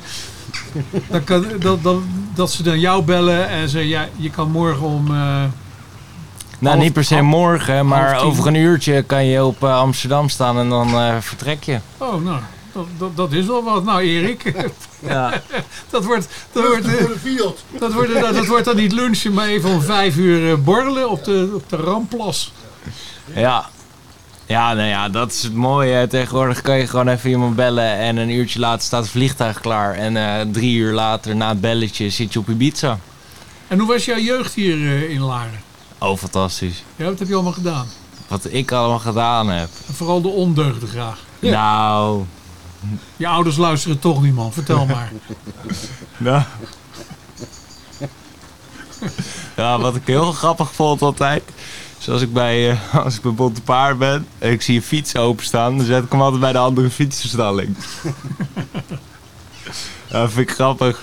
Hebben mij, heb, heb ik en mijn vrienden hebben dat, eh, zijn er ooit mee begonnen, nooit mee gestopt. Oh, dus dat doe je nog steeds? Nou, mensen zetten tegenwoordig een fiets op slot. Dus eh, Ja. Controleren. nou, waar, die staat open, heb ik al lang gezien. Ja, oh, Die staat ook open. ja, hier, oh, nou. Eh, Staat die jack, zit de sleutels ook in de jack? ja, vast en zeker. En dan zet je ze allemaal een eindje weg. Ja, nee, ja, gewoon aan de andere kant. Maar wel weer terug, maar wel weer terug te vinden. Ja, Ga je dan achter een bosje zitten kijken hoe iemand dan helemaal perplex staat? Nee, joh, ga ik gewoon weer verder met drinken. Oh. ik zou zeggen, fly me to the moon, man.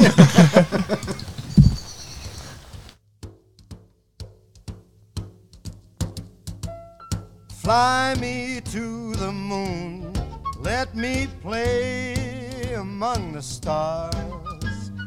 Let me see what spring is like on Jupiter and Mars. In other words, hold my hand. In other words, baby, kiss me. Fill my heart with song and let me sing forevermore. You are all I long for, all I worship and adore. In other words, please be true. In other words,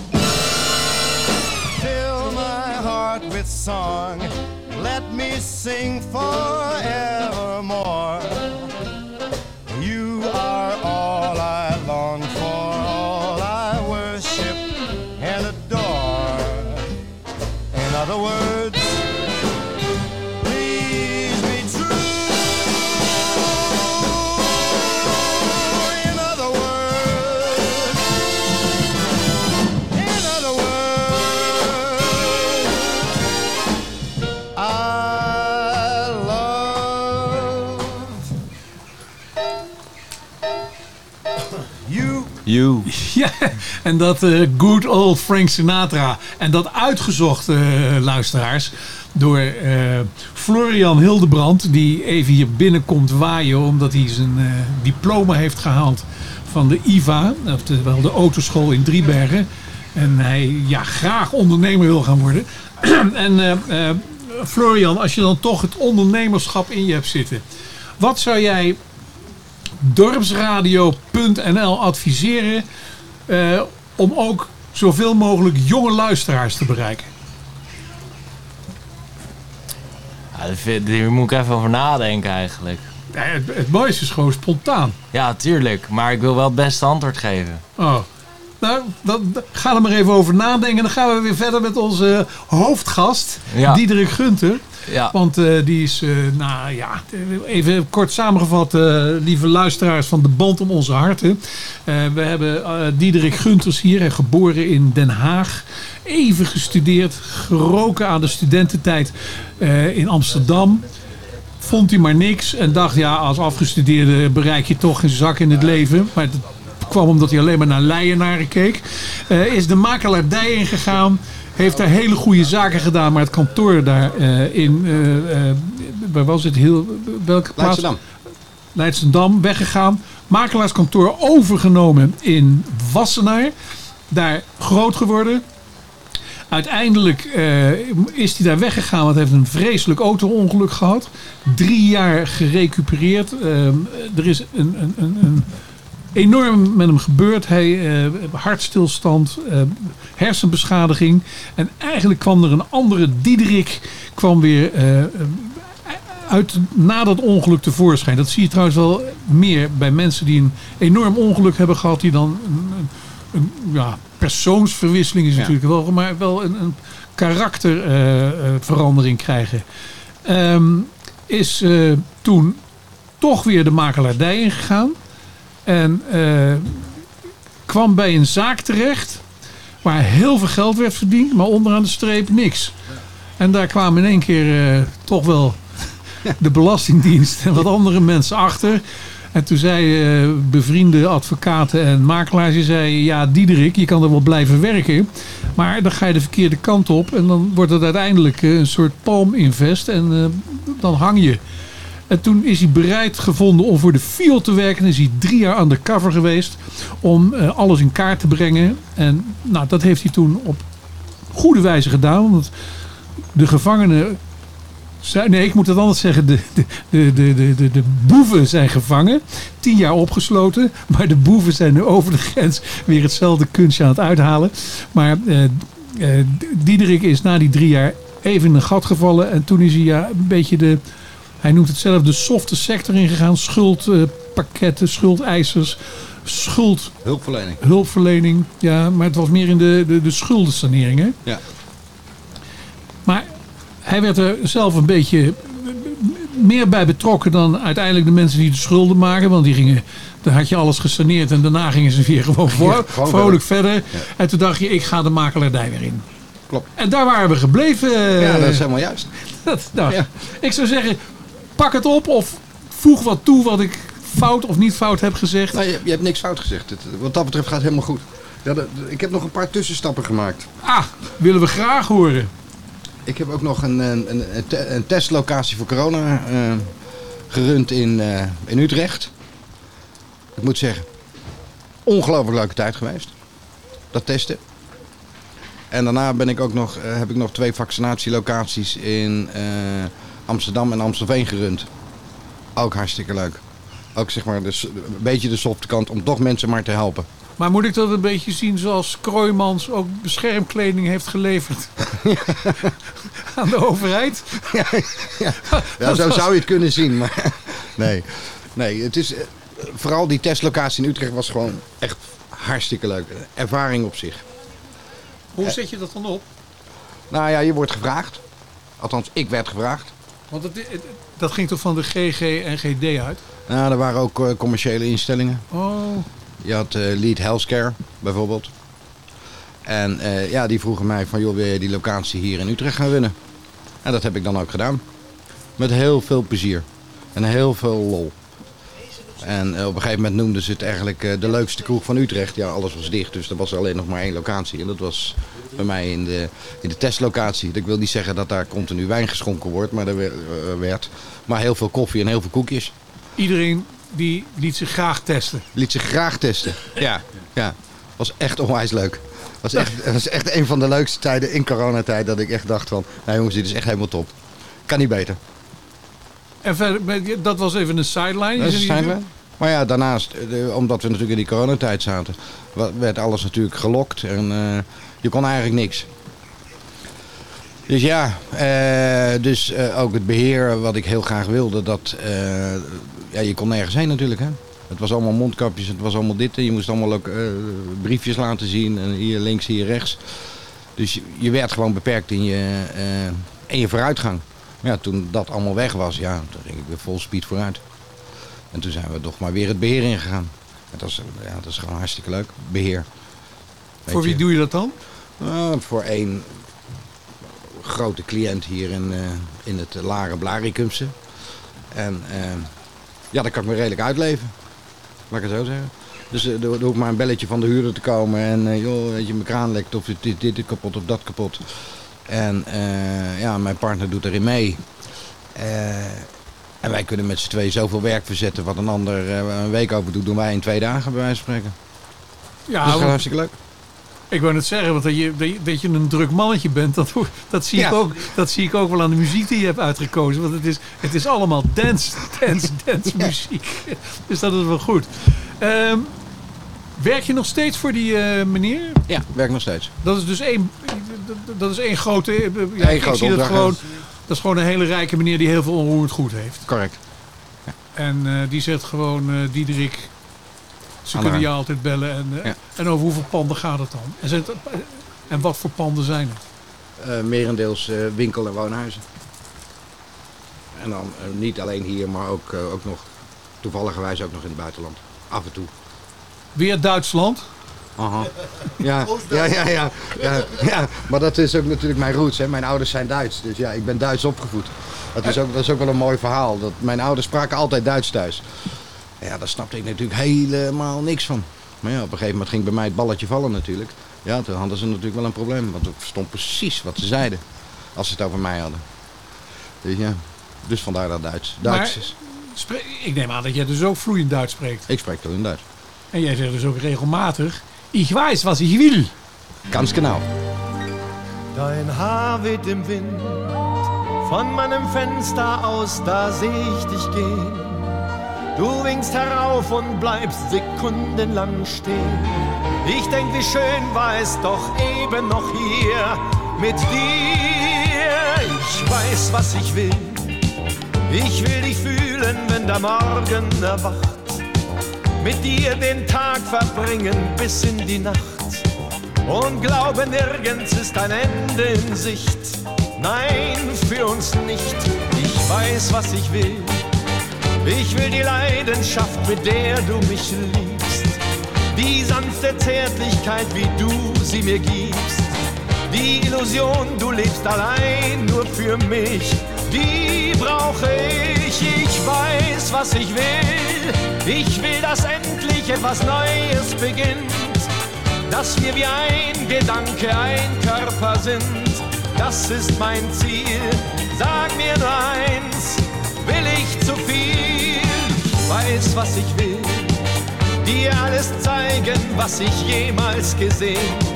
Was du auch immer tust, verzeihen und verstehen. Was ich noch nie vorher im Leben getan, fang ich jetzt an.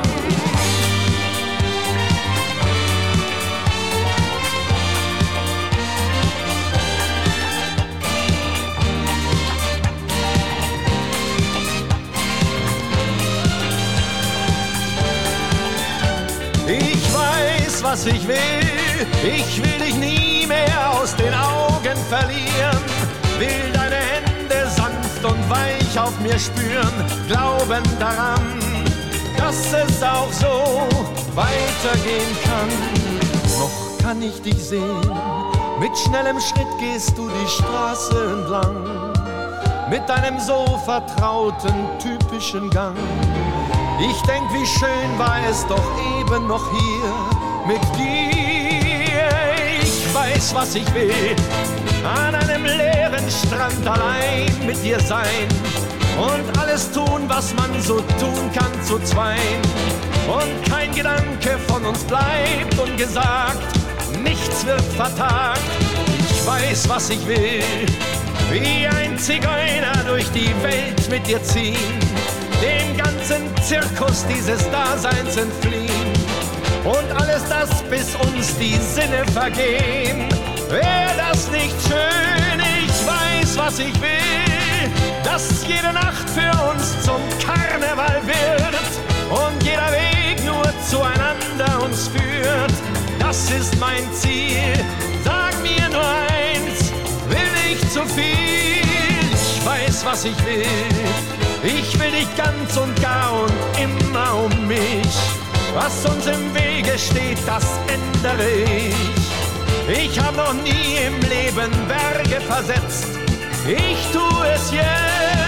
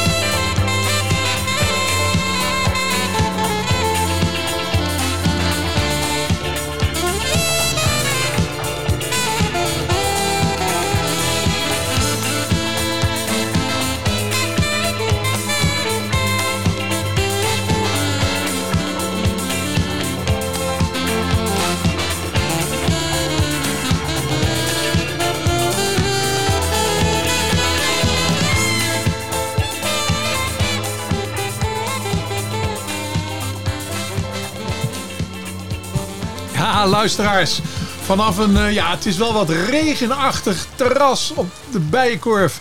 Haringparty is het hier. Arjo, die kwam ook nog even langs om een haring te scoren. En eh, ze zei direct nadat hij binnen was geglipt. Nou, nu ga ik weer naar je luisteren. Nou, Arjo, je, kan me live horen hoor. En we hebben hier als gast eh, Diederik Gunters en Florian Hildebrand. Ik had Florian de, Florian de vraag gesteld. Maar daar heeft hij enorm over nagedacht. Want hij heeft net zijn diploma van de autoschool in, eh, in, in, in Driebergen gehaald. En daardoor heeft hij heel goed leren nadenken. Wat wij moeten doen met dorpsradio om de jeugdige luisteraar te krijgen. Ja, daar heb ik even over nagedacht. Ik heb zelfs even overlegd met George.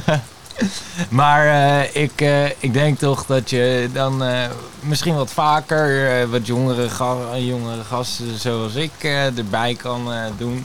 Nou ja, eh, voor heel eventjes hoor, even een klein gesprekje. Eh, of eh, wat meer eh, op Instagram actief eh, zijn, soms live gaan. Ik denk dat dat eh, ook wel helpt. Nou, dat zijn hele goede tips. Ik weet niet wat Instagram is. En, eh, Ik een- wel.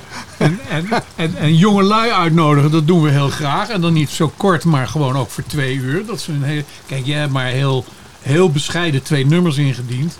Dus we kunnen niet meer muziek van jou draaien, omdat we niet wisten wat je allemaal mooi vond. Maar je keuze is natuurlijk wel heel mooi geweest met Englishman in New York. En dan zeg je ook nog een keer dat je de jazz versie nog mooier vindt. Dus dat gaan we dan volgende keer doen. Misschien dat Erik het nog kan zoeken. En, eh, maar in ieder geval dankjewel voor deze, deze bijdrage. En ik hoop dat Erik luistert nooit zo goed. Maar dat hij dit eh, in zijn zak heeft gestoken hoor. Nou, ik kent in ieder geval Instagram, dat is al een begin. Ja, wat is dat? Een social media platform. Aha. Ja, ik zal het zo even laten zien. Nee, maar ik, ik zou zeggen dan tegen jouw vrienden op Instagram. Hebben jullie geluisterd naar Dorpsradio? Of naar de podcast die morgen of overmorgen gewoon overal te beluisteren is. Oké, nou ja, ik zal hem zeker even op mijn story zetten. Als je Spotify eh, dat doet, pant hem onze harten, dan krijg je het allemaal te horen. Helemaal goed. Laten we even eerst nog een stuk wel over, over Diederik. Zullen we eerst naar eh eh Mattia Bazaar luisteren? Ja, lijkt me een heel goed Ja? plan. Solo. Nee, we doen het niet. Oh. Nou, als Erik nee zegt, dan is het nee. Dat is eh, de grootste potentaat van dorpsradio. En eh, vroeger had eh, de presentator nog wel wat te vertellen. Maar waarom is het nee, Erik? Ja, waarom eh Erik? Luister maar. Oh, hij heeft een...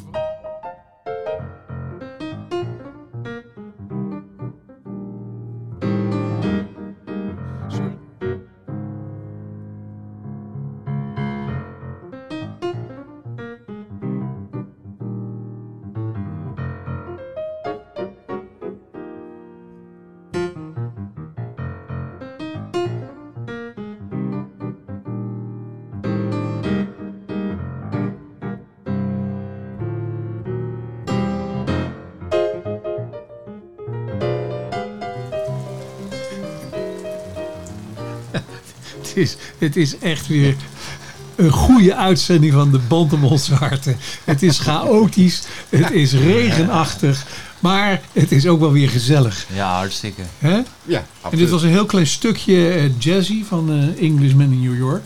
Maar eh, Diederik, jij eh, had even een uitstapje in de coronatijd. Je had een, eh, nou, je bent ga- gaan runnen een eh, eigen testlocatie hè, tegen COVID. Ja. Daar is nu een einde aan. We zijn uit de COVID. En je beheert nu veel onroerend goed. Correct. Maar ook in het buitenland. Ja. Moet je dan ook veel naar het buitenland toe? Af en toe.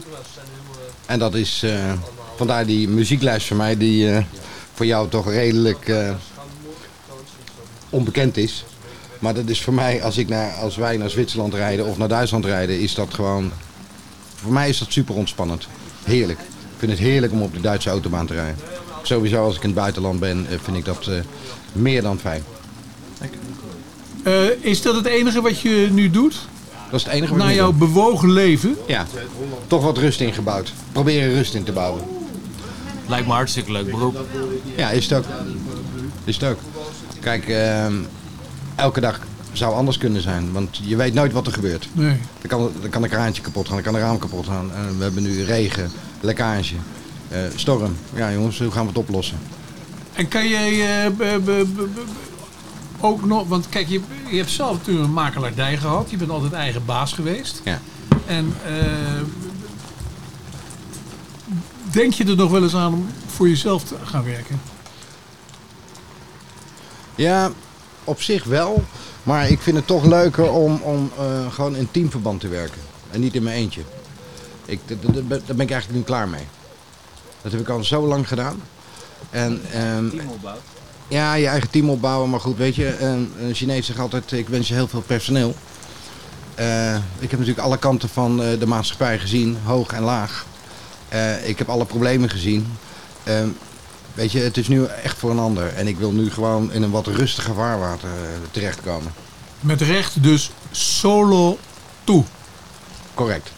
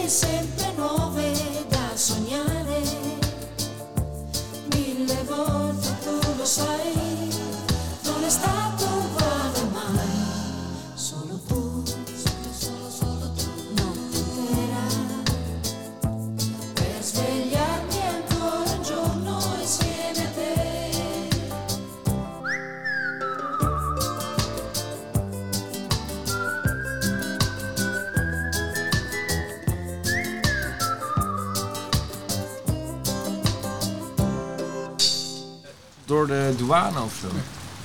Ja, zijn we er weer, eh, Erik? Ja, ja. Maar bij de les blijven. Ja, nee, ja, ho, ho, bij de les blijven. Als dat enorme lichaam van Anjo voorbij loopt, kan ik niet zien. hoor. kan ik niet zien. En je hebt, het, geluid. Jij...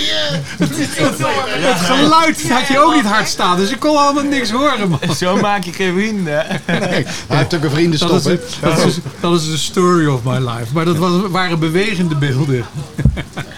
Ja, maar ben je- straks ook nog dat die was een grapje, Anjo. Ik maakte altijd grapjes. Maar tegenwoordig, maar toch, tegenwoordig word je daarvoor aangeklaagd. En eh, u hoort het, u luistert naar de band om onze harten. Het is de losbandige band om onze harten vanmiddag.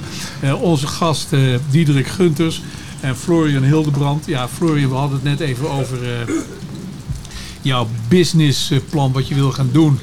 Eh, gewoon mensen op eh, privéjet zetten en zorgen dat ze ergens komen en weer thuiskomen. Hè? En daar heb je een heleboel bedrijven voor. Sommige mensen zeggen er is geen markt voor. Nou, anderen zeggen wel. Wat denk jij er zelf? eh, en dan vraag ik het aan Diederik. Wat denk jij daarvan? Ik denk dat er zeker een markt voor is. En zeker het gemak waar je... Het wat Florian net zegt. Je rijdt met je auto erheen, je stapt in. en je bent twee, drie uur later ben je bestemming. Je hoeft niet twee uur van tevoren te zijn. Je staat niet in de rij. eh, je, misschien word je ook nog opgehaald. Ja, je wordt zelfs opgehaald. Ja. Ja, dus het is... En je rijdt zo de tarmac op naar het vliegtuig. vliegtuig. Nou, kijk. Dus goed, goed plan. Ik zou snel eh, aan het werk. Maar ik zou eerst eens een beetje een paar, eh, paar weken gaan feestvieren. hè? Of, Nou, of heb je dat al oh. tot je 21ste gedaan? Alleen maar feestvieren. Nee, nee, nee. Max, nu denk ik dat jouw moeder zit te knikken. Ja, ja, ja, ja, ja. nee, dat valt echt wel mee hoor. Ik, eh, maar ik ga wel nu even een weekje en daarna... Maar ik blijf, onder, ik blijf op zoek. Sowieso. Heel goed, man. Eh Diederik, ja, eh, we, we zitten een beetje aan waar, je, waar je nu staat, hè? anno Ja. 2023. Ehm, nou hoorde ik van jou, volgens mij een paar weken geleden, dat jij eh, voor een ander iets ging werken om, om, om, om asielzoekers onder te brengen. Ja, bij het COA. En dat gaat door? Ja, maar daar twijfel ik nog over. Omdat ehm, dat is dan een, een ja, ze noemen dat dan een vastgoedregisseur bestuurlijk. Dus je moet, bestuurlijk moet je met de gemeentes in overleg ehm, om locaties voor eh, asielzoekers, statushouders te vinden.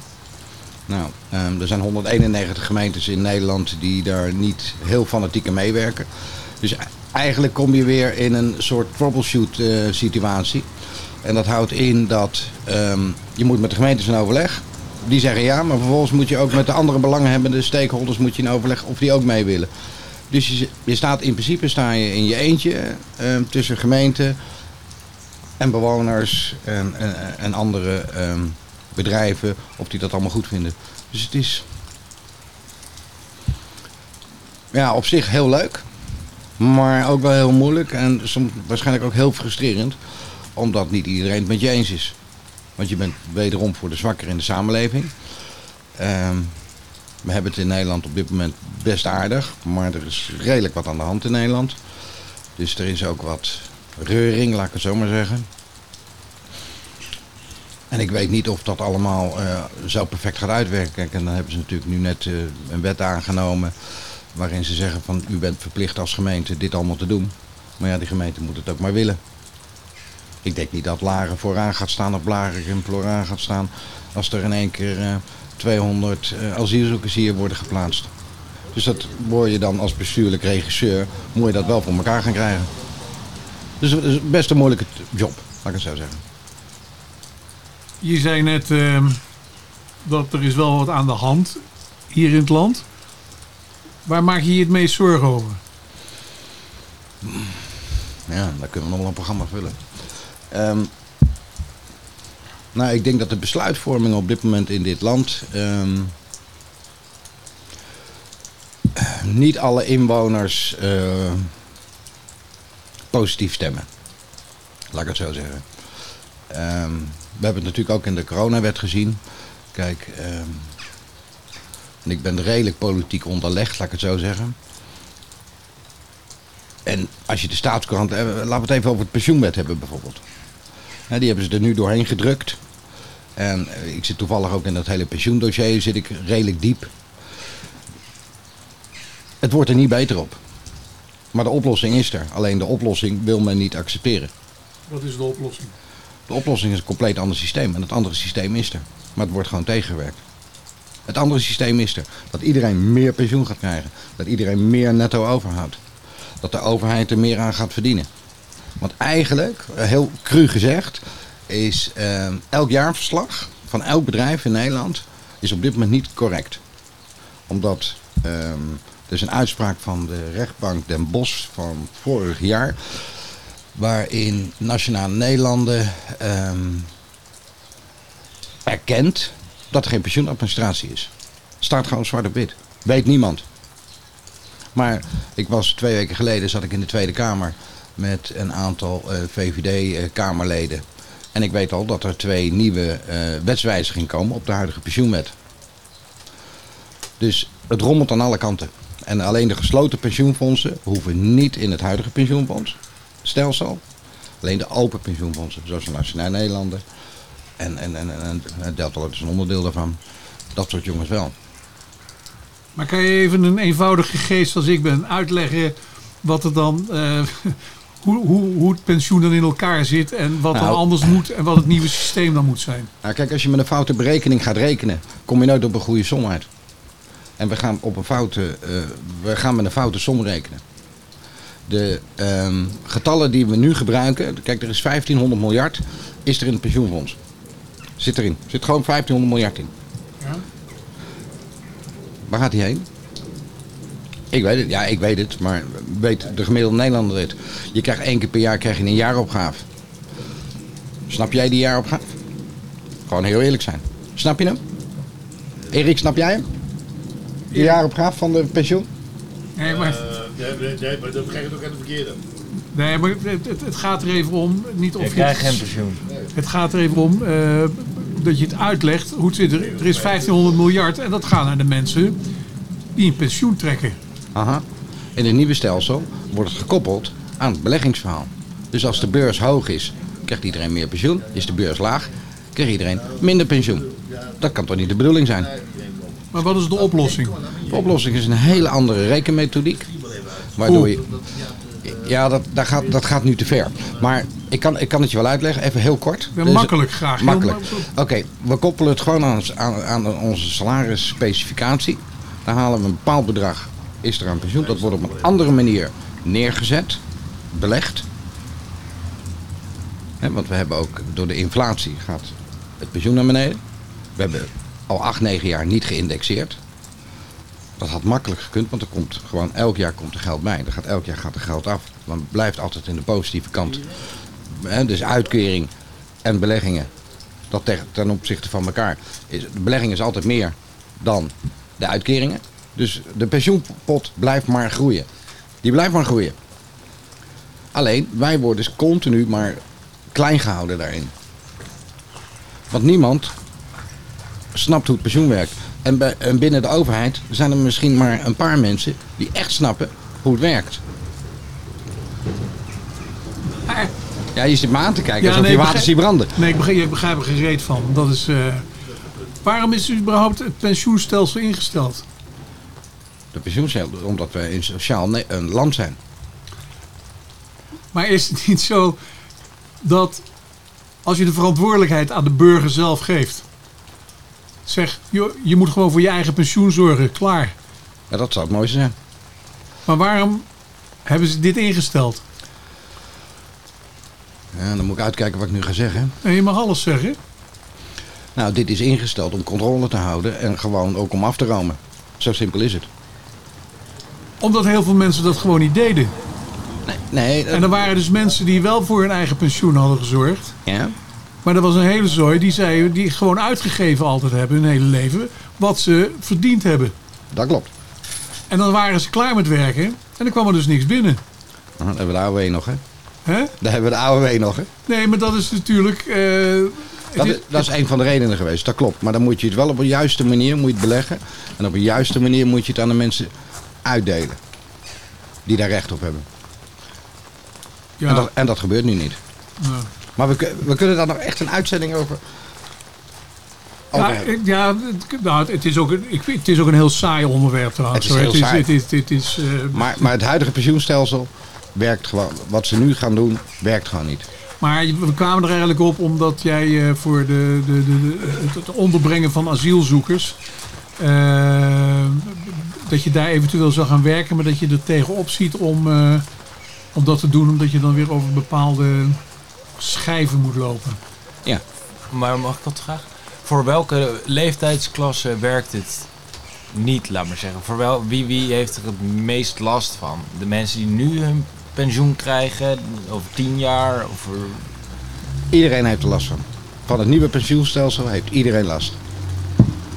Maar Florian is 21. Ja.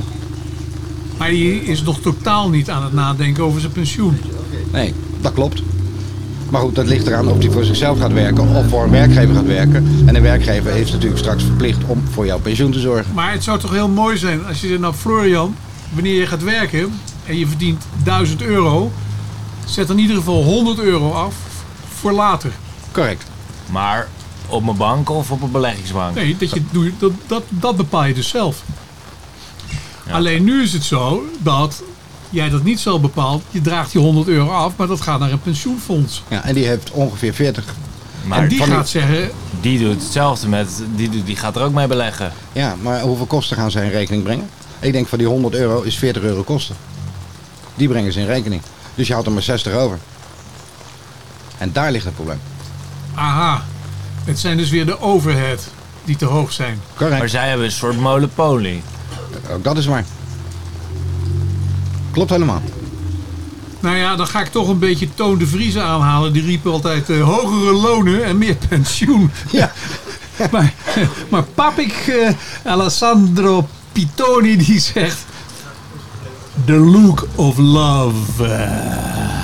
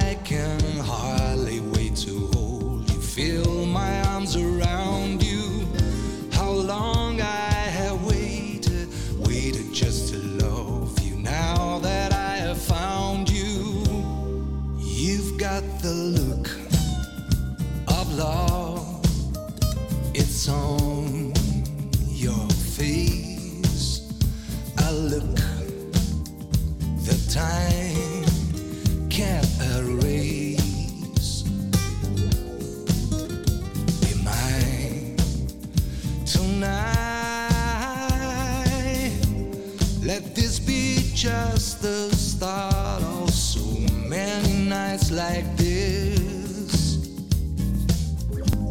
Let's take a lover's vow and seal it with a kiss.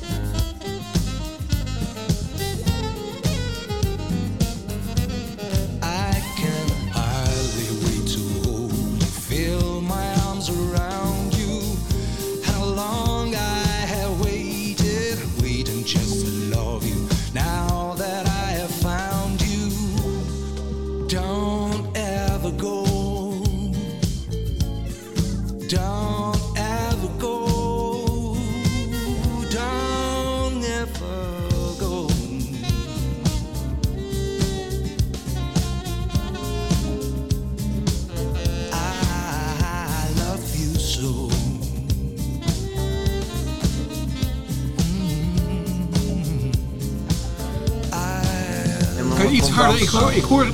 Ik hoor het niet. Ik hoor jou wel. Jawel, maar ben ik nu weer in de lucht, Ja. Erik? Ja. Ja, want je zit natuurlijk ook de zaak te saboteren, zodat ik eh, ontslagen kan worden als presentator van de Onze Harten. Maar wees blij, luisteraars. We zijn alweer aan het einde gekomen. Het was wel een hele. ja, ik vond het wel een hele aparte. Eh, we zijn van, van, van eh, hot naar her gegaan.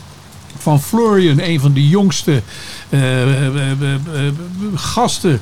Tot Diederik Gunters, die heel veel weet over pensioenen. Maar ja, ik viel een beetje in slaap en het is heel saai. En ik weet, het is heel erg belangrijk. Maar eh, jongens, ik wil jullie in ieder geval ongelooflijk bedanken dat jullie hier geweest zijn. En ik zou zeggen, jij, jouw zus zit er nou. Ja. je, je wil nog wel iets, mocht je over iets niet praten van me?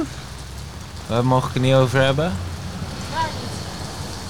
Ik hoorde er zeggen, je zegt niet dat of wat dan ook. Nee, ze zei Maar- dat ik geen fietsen meer mocht verplaatsen. Oh, natuurlijk mag je dat wel. Nee, oh, Ja. heel lief. Heel Bert, lief. Bert weet het nog niet, maar hij gaat zo ook zijn fiets moeten zoeken. Nou, hij staat er nog steeds. maar eh, eh, Florian, ik eh, wens je heel veel succes in jouw... en dat jouw eigen businessmodel in jouw hoofd mag uitkomen. Dank u wel. En ja, Diederik, heb jij nog wat toe te voegen zo Maar ik aan vond- het eind van deze uitzending? Dat je zegt, shit, dat wil ik toch nog wel even kwijt. Nee, eigenlijk niet. Ik vond het een buitengewoon aangenaam eh, samen zijn. En ik dank je voor de uitnodiging. Nou ja, het was we- echt eh, hartstikke leuk. En Het was ook Florian, mooi. jij ook dank voor eh, jouw inbreng. Ja, dat is, eh, dat is heel Ja. goed. Nou ja, Ja, alleen over Erik gaan we niks zeggen. Nee, nou, de- hij zegt in ieder geval tegen Hij heeft toch een vriendenstop. Hij, Dus. hij zegt tegen jou, stop met het slappe gelul. Luisteraars, leuk dat u geluisterd heeft. Volgende week zijn we er weer van 2 tot 4. Hopelijk op een zonnig terras. En eh, het was mij een waar genoegen. We nemen afscheid eh, met eh, eh, ja, Nana Mouskouri. En dat is een oud nummer voor Laren. En wij spreken elkaar volgende week. Hoi! Doei.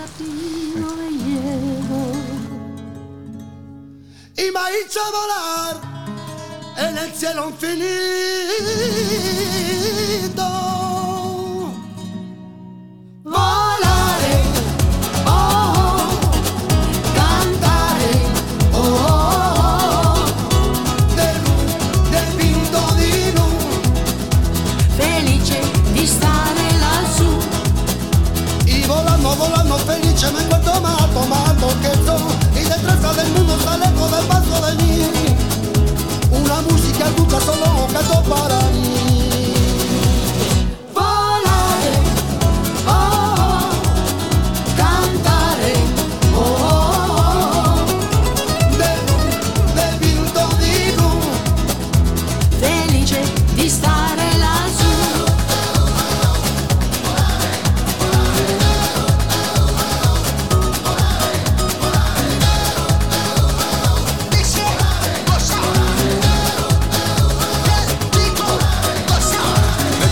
desaparecido no volverá más. No volverá más. Que me pintamos la mano, la cara de azul. Cara de azul. Y después vi el viento rápido me llevó. Y me hizo en el cielo infinito.